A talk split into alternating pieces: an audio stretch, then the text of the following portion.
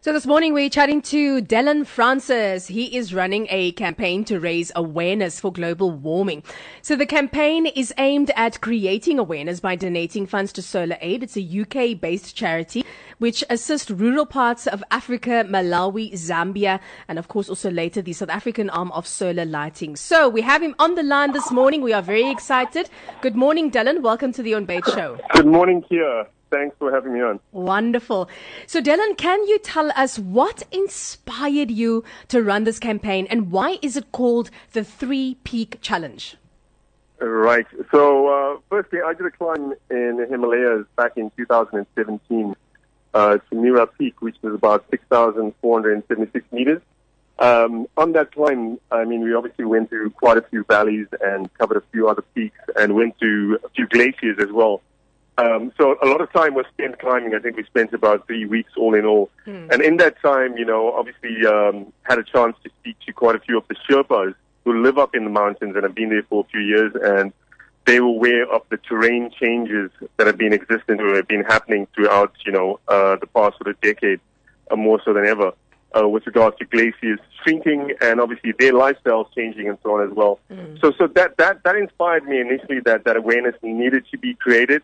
Uh, I'd been living in Asia at that time, so I just moved back to South Africa last year. Um, and I wanted to draw correlation between Africa and obviously uh, global warming, climate change, and what I saw out there. So um, I looked for charities that we could support. Uh, I contacted Greenpeace Africa uh, and then Solar Aid as well, uh, which obviously assist at, assisted at the time uh, Malawi and Zambia, and I've now introduced them into South Africa, where they'll be uh, covering um, some rural parts with with uh, donations and and solar aid here.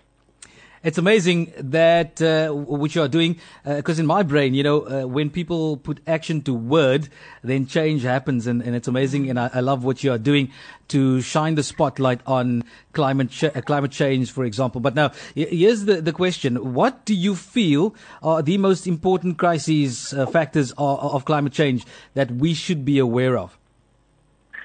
I think it's things that we, we, we obviously take for granted in our everyday life, you know, and, and as an individual, it doesn't make too much of an impact, but as a combined uh, group, it does, you know. So, for example, as highlighted by Solar Aid, you know, someone lighting up a candle at home, you know, you don't see um, uh, the damages that it does cause. But, you know, when you have a few hundred, a few thousand, a few hundred thousand candles being lit at the same time, that causes an impact. Likewise with smoking, likewise with the car fumes, um, you know, these all as a combined uh, um, effort in terms of, of uh, you know uh, emissions being put out into the the the, the well outdoors, um, it does cause an impact. So, so I think we obviously have to be aware of that as an individual. You know, so when even lighting a matchstick, for example, you know, it, it does make a difference. You know, if you have one person doing it, it doesn't. If you have ten people doing it, you have twenty people doing it, mm. it does. I think in our everyday life, everybody can make a difference. Um, and, and it's not only about, you know, um, emissions that go out that, that causes climate change. You know, it's, it's people using, you know, plastics, for example. Everybody can do a small part in their lifestyle to make that impact and, and, a, and a difference. I'm just doing my part. Uh, I think, you know, everybody's working at the same time. They have their daily lives. They don't have time to actually do it. I do have some time to afford to this year, so I want to use that time to raise awareness hopefully I can do it ongoing. Who knows? Mm. Uh, but um, I'd, li- I'd, I'd, like to, to be the start of something else for someone else to pick up on as sure. well. I think the thing that we um, we should be cognizant of is the fact that because it is a crisis that we are sitting in at the moment, that mm-hmm. we need to be.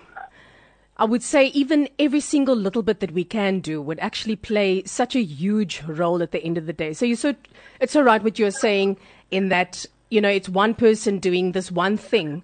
But if you add all of us on this planet that's doing the same thing, it becomes a problem. So we need to start Absolutely. small. We need to start at home, I feel, and also within our work environments as well. So, Delon, um, can you tell us how do people connect with you?